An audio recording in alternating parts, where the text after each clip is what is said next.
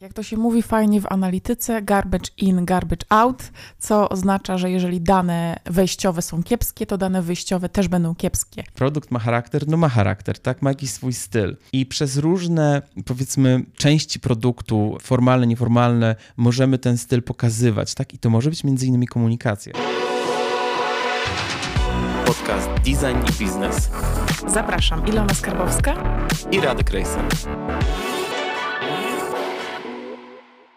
Nowy sezon, e, nowy rok i zupełnie, może nie zupełnie, ale inne podejście do naszych podcastów, dlatego że od teraz wszystkie nasze odcinki, zanim zostaną wyprodukowane, zanim w ogóle zostaną opracowane przez nas, nagrane, są testowane z naszym odbiorcą. I trochę dzisiaj będziemy o tym mówić, prawda, Ilona? Tak. Odcinek numer jeden z naszego nowego sezonu będzie właśnie dotykał tego tematu. Będziemy też opowiadać, w jaki sposób testujemy odcinki.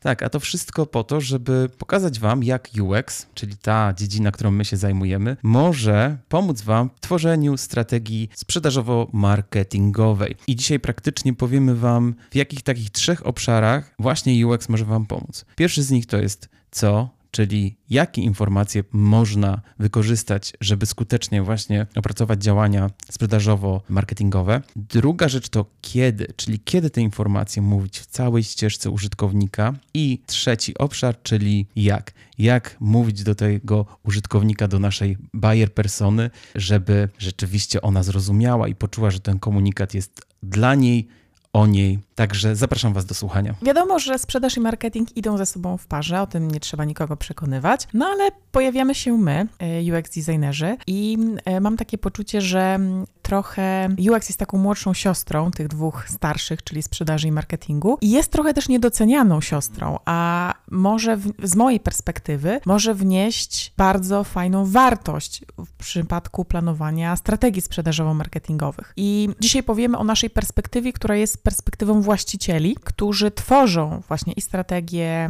UX-owe, i strategie marketingowe, i sprzedażowe, dzięki czemu z lotu ptaka jesteśmy w stanie zobaczyć, jak te trzy obszary się między sobą łączą.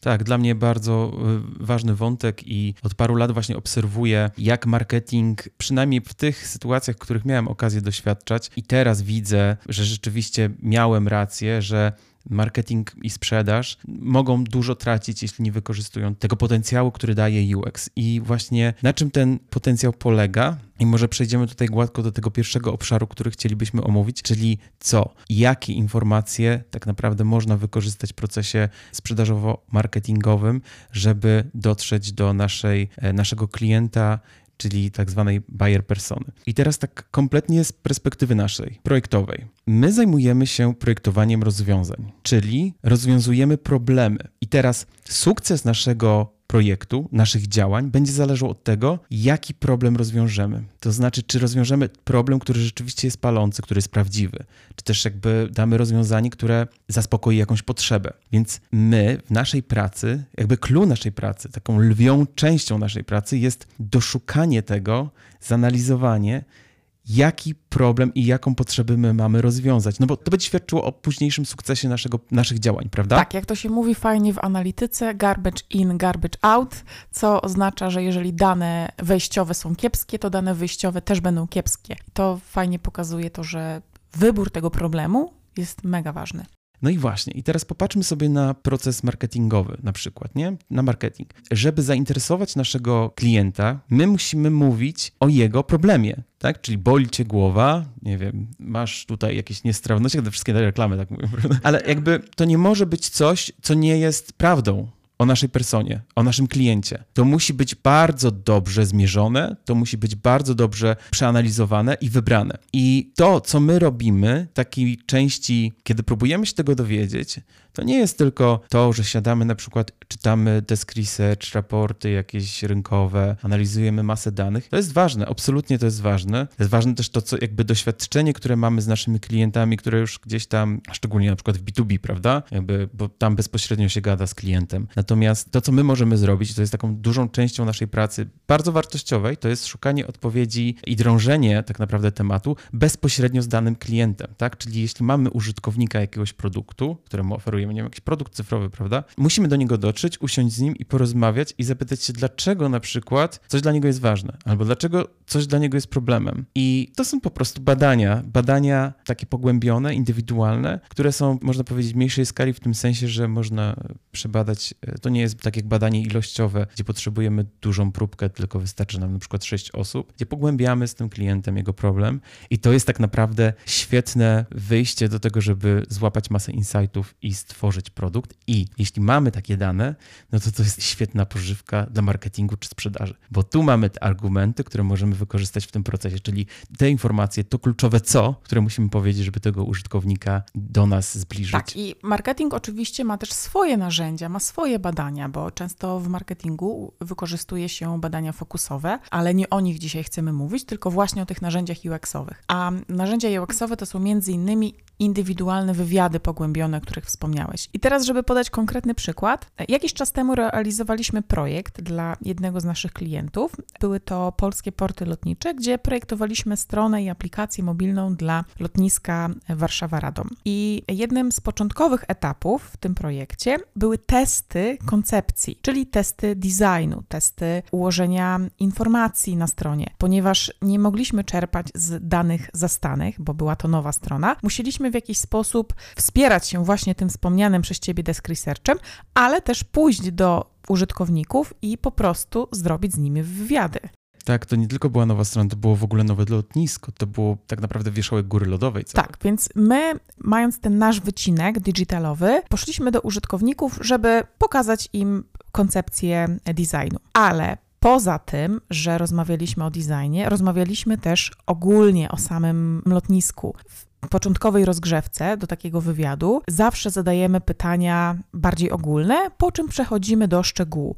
I właśnie w tej pierwszej części, w pytaniach ogólnych, bardzo pięknie wyszły nam obawy, jakie mają ludzie związane z korzystaniem z lotniska. I dzięki temu, że przebadaliśmy 8 osób, mogliśmy wyciągnąć wnioski, powtarzające się elementy, co tak naprawdę ich wstrzymuje przed tym, żeby w ogóle pomyśleć o tym, aby latać z lotniska Warszawa-Radom. I dzięki temu, że mieliśmy te informacje, mogliśmy stworzyć z tego, z tego naszego raportu e, dotyczącego koncepcji, dodatkowy raport dla marketingu pokazujący insighty konsumenckie i ich obawy. Dzięki czemu marketing może potem to wziąć i zaadresować to w swojej komunikacji. Tak, bardzo fajny przykład. I właśnie to jest ciekawe, że wielokrotnie, kiedy pracowałem nad projektami, w których były właśnie takie pogłębione badania, nie mając dostępu w ogóle do takiego działu marketingu, czułem, że projekt czy też produkt może wiele stracić. Kiedyś mi się też przypomniało tak, jak nie wiem, czy pamiętasz Ilona jeszcze Clubhouse, jak prowadziliśmy rozmowę na Clubhouse, mieliśmy swój pokój i był też pokój, który ja odwiedzałem codziennie, to no chyba się nazywał coś z marketingiem, tak, tak, tak, bo właśnie wtedy już węszyłem, że kurczę, to nie jest kompletnie mój obszar, ale jestem ciekawy tego i jestem ciekawy, czy podobnie działamy, nie? Na podobnych zasadach, czy tam występuje jakaś symbioza, być może ja tej symbiozy nie zaznałem, ale być może jest to pewien sposób branżowy standard, że działy UX-u i marketingu współpracują razem. No okazało się, że nie, że absolutnie są to stare szkoły, że jakby marketing swojej świadomości tak jakby ma w swoim wyobrażeniu UX jako domena zajmująca się rysowaniem makiet. Co jest, jest bardzo smutne. dużym ograniczeniem i też pokazaniem jakiegoś jednego punktu, którym się zajmujemy, a tak naprawdę zapominamy o całej tej gałęzi researcherskiej, badawczej, którą też UX fajnie e, zagospodarowuje. Tak, zagospodarowuje, bo musi. Tak jak wspomniałem na początku, jeśli nie zidentyfikujemy dobrze naszego problemu, no to nasze rozwiązanie, które będziemy projektować, proponować, okaże się po prostu porażką. No dobrze, to teraz taki drugi motyw, drugi obszar związany z tym, kiedy. Kiedy te informacje, o których tutaj jakby już je wyciągnęliśmy, kiedy je powiedzieć. Bo jak sobie popatrzymy na taką ścieżkę użytkownika, czyli z naszym produktem, ona nigdy nie kończy na produkcie samym sobie, czyli na przykład jeśli mamy aplikację, aplikacji, no to ścieżka użytkownika nigdy nie zaczyna się od momentu, kiedy użytkownik odpala tą aplikację. Jego jakby taka relacja z tym produktem zaczyna się o wiele wcześniej i też o wiele dalej po użytkowaniu się kończy. To co mam na myśli? To znaczy, jest pewien punkt, w którym ja w ogóle zaczynam myśleć o danym produkcie. Ten produkt pojawia się w mojej świadomości.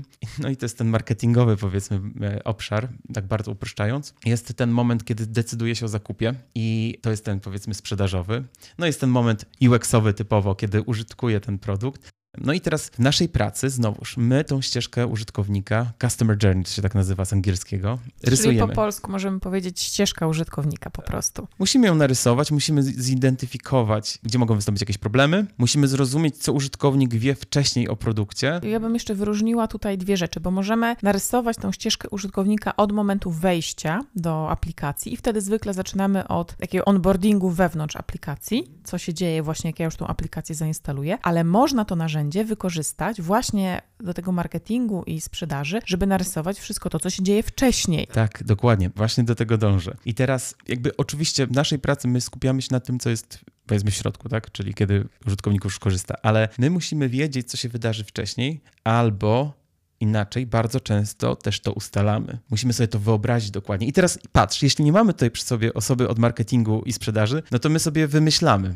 No tak naprawdę tak to wygląda. Na szczęście są takie sytuacje, w których siadamy z działem albo z osobami, które jakby odpowiadają za rozwiązania dotyczące marketingu i sprzedaży i jesteśmy w stanie z nimi to zrobić, przeprowadzić. I zazwyczaj robimy to tak, że organizujemy taki warsztat, który się dotyczy właśnie ścieżki użytkownika i projektujemy wspólnie taki jakby lejek informacyjny, co się dzieje w danym etapie, czyli co się dzieje w tym etapie marketingowym, kiedy użytkownik dopiero buduje swoją świadomość na temat produktu, czyli tam będziemy te informacje dotyczące pewnych bolączek, potrzeb wsadzać, ale one na takim bardzo ogólnym powiedzmy poziomie. Potem jest sprzedaż, czyli musimy wyciągnąć argumenty sprzedażowe, które pogłębią to, co powiedzieliśmy wcześniej. Tak, ale też sprawią, że użytkownik nie zawaha się i kupi, tak? Czyli musimy wiedzieć, jakie ma obawy. Tak, i te obawy dowiadujemy się o nich, bo wcześniej przeprowadziliśmy z użytkownikami badania. I te właśnie insighty można wykorzystać właśnie w tym procesie, tak wracając właśnie do tego pierwszego etapu. I potem oczywiście projektujemy to, co się dzieje już w samej aplikacji. I teraz mówię tutaj o lejkach informacyjnych, no bo to jest klucz, dlatego że użytkownik też nie może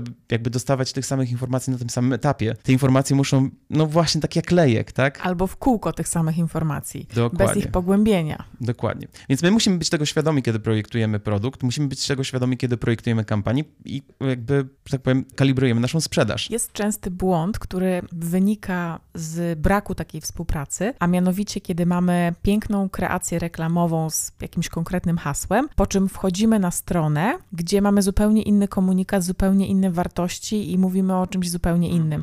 I wtedy my, jako potencjalni klienci, mamy pewien niepokój w sobie, bo nie ma spójności. Szukamy, chcemy pogłębić temat, chcemy dowiedzieć się więcej właśnie z tego hasła, które przed chwilą usłyszeliśmy, a trafiamy do miejsca, które jest zupełnie inne i mówi o czymś innym i tracimy zaufanie. Dokładnie. I wiesz, co mi się przypomina jeszcze taki projekt, który mieliśmy z naszym klientem Nową Erą, która też zaprosiła nas do takiego wyzwania stworzenia ścieżki onboardingowej do produktu.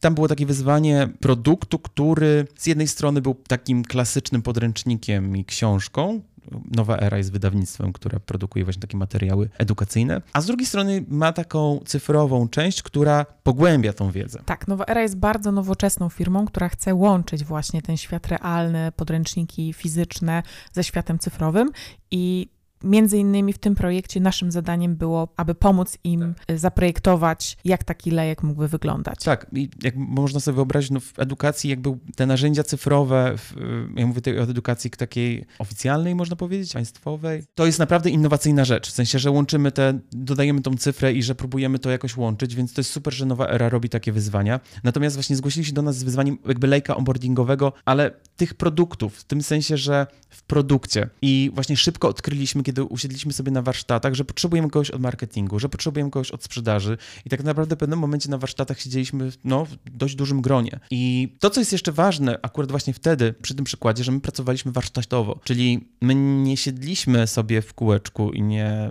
nie uprawialiśmy takiej burzy mózgu, w której ja akurat... Bez składu i ładu. Bez składu i ładu. To nie było zwykłe spotkanie, to jest bardzo ważne. W naszym świecie warsztat to nie jest wyświechtane słowo, w sensie nie, obecnie jest po prostu moim zdaniem absolutnie nadużywane. Warsztat to nie jest po prostu spotkanie, tylko to jest naprawdę ustrukturyzowane spotkanie, które ma cel i do tego celu prowadzi nas konkretna agenda, czyli zadania, które musimy wykonać. Oczywiście ta agenda może się zmienić, te zadania może, możemy coś odkryć, ale mamy jakiś konkretny cel i konkretny czas i to wszystko jest moderowane, facylitowane przez osobę, która ją jakby prowadzi ten warsztat i taką ścieżkę użytkownika, którą właśnie zrobiliśmy w przypadku projektowania tego lejka onboardingowego dla nowej ery, no zazwyczaj prowadzi się warsztatowo. Inaczej się byłoby to bardzo trudne. Powiedz Radek, co było takiego fajnego w tym projekcie? Co najbardziej ci utkwiło w głowie? Wiesz co, najbardziej mi utkwiło w głowie to, że naprawdę istotne jest, i to już powiedziałem też wcześniej, jak porcjujemy te informacje i jakby jak użytkownik z każdym przystankiem jakby ma w swoim bagażu już jakąś wiedzę, jakieś informacje,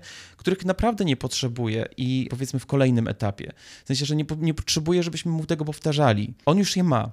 I to myślę, że było fajne, że można było naprawdę stworzyć taki po prostu lejek, jakby nie wchodząc w szczegóły, bo myślę, że dążysz do tego, żebym powiedział jakieś konkretne tak, rzeczy, ale wolałbym nie, nie Ale mówić. chyba, chyba nie mamy zgody klienta, żeby wchodzić w konkrety, więc, No właśnie. y, więc zostawmy to. Ale zapraszamy szczególnie właśnie osoby, które mają dzieci na przykład, a może jak jacyś maturzyści nas słuchają, nowa teraz matura, to, to myślę, że to fajnie wygląda. Tak, tak, więc można kawałek naszego produktu zobaczyć na żywo. Tak, no w zasadzie może nie naszego, ale działań z naszym klientem można zobaczyć na żywo, tak. Dobra, to powiedzieliśmy sobie o tej drugiej warstwie. Tak, jest jeszcze ta trzecia część, czyli powiedzieliśmy sobie o tym, co, co mówić, kiedy mówić, czyli ta customer journey, ścieżka użytkownika, jak właśnie tworzyć ten lejek informacyjny. No ale mamy też jeszcze ten aspekt, jak mówić, bo to też jest absolutnie ważne. I my pracy nad e, naszymi produktami też szukamy odpowiednich stylów, szukamy odpowiednich archetypów, które będą rezonowały z tym naszym odbiorcą. Co to znaczy, że szukamy odpowiednich archetypów? Tak na dobrą sprawę produkt musi w jakiś sposób odpowiadać charakterologicznie. Wiem, że to brzmi bardzo tak Akademicko. nie wiem, powiedział enigmatycznie, jakby jak produkt ma charakter, no ma charakter, tak? Ma jakiś swój styl. I przez różne,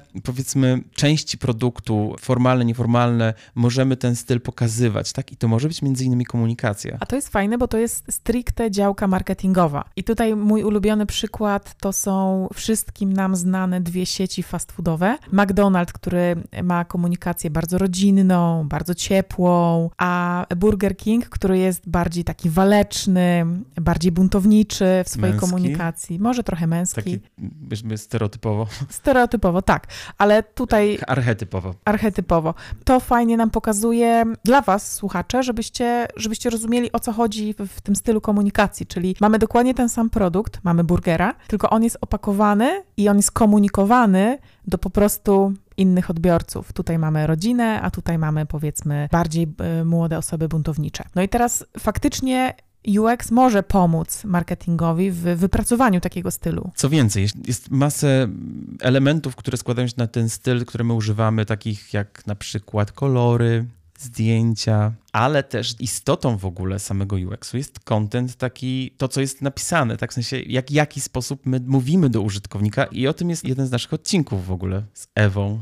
A, o UX writingu, tak, Tak, z tak. Ewą Wasilewską. Tak, zapraszamy Was do odcinka. Podlinkujemy w opisie odcinek z Ewą Wasilewską o UX writingu. Tak, o tym właśnie jak interfejs może mówić do użytkownika i to jest super ważne. No więc jak możecie się domyślać, my też mamy wypracowane metody i procesy na to, żeby te komunikaty i ten styl komunikatów wypracowywać. Więc e, znowuż cofnę się do tych badań, o których mówiliśmy i opowiem może o takim projekcie, który kiedyś miałem okazję realizować. On był właśnie taki bardzo, bym powiedział, e, komunikacyjny, dlatego że jakby efektem końcowym, tak na dobrą sprawę, był projekt ulotki. I to jakby zatrzymajmy się na tym. Jest to projekt robiony w, w, w ramach inkubatora innowacyjności Visa. Inkubator innowacyjności Visa prowadzony przez Innowatikę, z którą właśnie wtedy ten inkubator w ogóle współtworzyliśmy. I inkubator miał na celu wypracowywanie takich standardów, rozwiązań dla ogólnie branży finansowej i w nim brały udział tak naprawdę przedstawiciele różnych banków, różnych instytucji finansowych, tak, które gdzieś tam e, mogły coś wyciągnąć z tej wspólnej pracy dla siebie. I to był czas, kiedy wchodziła Polska bezgotówkowa i była taka kampania dotycząca terminali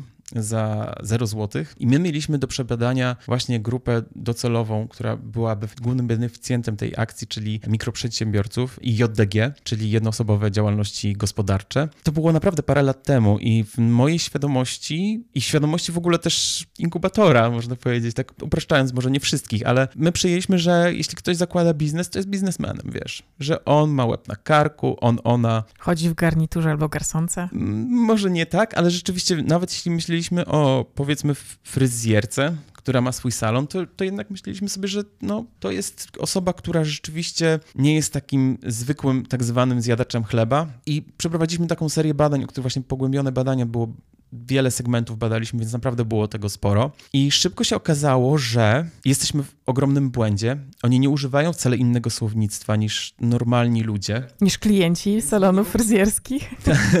Dokładnie, my nie mogliśmy im zaoferować komunikacji, która byłaby bardzo profesjonalna. Oni ledwo rozumieją w ogóle zagadnienia związane z jakby z prowadzeniem działalności w tym sensie takim technicznym, tak? Płacenie podatków, e, sprawy urzędowe. Dla nich to jest już dużo. To jest naprawdę dużo i nie, jakby taka forma, bardzo taka właśnie formalna, profesjonalna, absolutnie nie była, nie jarzyła, że tak powiem. Więc my musieliśmy stworzyć tak naprawdę dobrą sprawę komunikaty oparte o bardzo prosty język, bardzo taki zero-jedynkowy i adresujący oczywiście mocno korzyść związaną, ale i tutaj kolejna rzecz, że to nie mogła być taka, ona musiała być bardzo charakterystyczna dla danych tych grup, bo inaczej jednak trochę myśli właśnie osoba, która prowadzi salon fryzjerski, a inaczej they osoba, która prowadzi gabinet stomatologiczny, inaczej warsztat samochodowy. Aczkolwiek, tak jak powiedziałem wcześniej, no, to nie są osoby super profesjonalne w tym sensie, że nie mogą używać skomplikowanego języka. One po prostu potrzebowały prostego, zwykłego, codziennego języka. Tak. Skomplikowanego języka w pracy, dlatego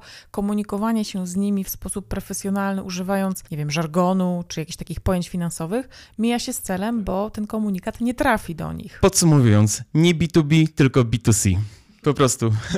Podsumowując dzisiejszy odcinek, najważniejsze jest to, że marketing, sprzedaż i UX powinny żyć ze sobą w symbiozie i wszystkie działania, które planuje firma, czy na poziomie strategicznym, czy już na poziomie operacyjnym, powinny być ze sobą połączone i te działy powinny ze sobą rozmawiać. Opowiedzieliśmy Wam też o tym, jak narzędzia projektantów UX mogą wspierać tworzenie takiej strategii dla marketingu i sprzedaży. Powiedzieliśmy o tym, jak te narzędzia mogą pokazywać, jak mówić, kiedy mówić, oraz co mówić. A jeżeli macie podobne problemy w waszych organizacjach i chcielibyście przyjść do nas i porozmawiać o tym temacie, to zapraszam Was na naszą stronę internetową designzima.com. Tam w prawym górnym rogu będzie przycisk Zapytaj eksperta.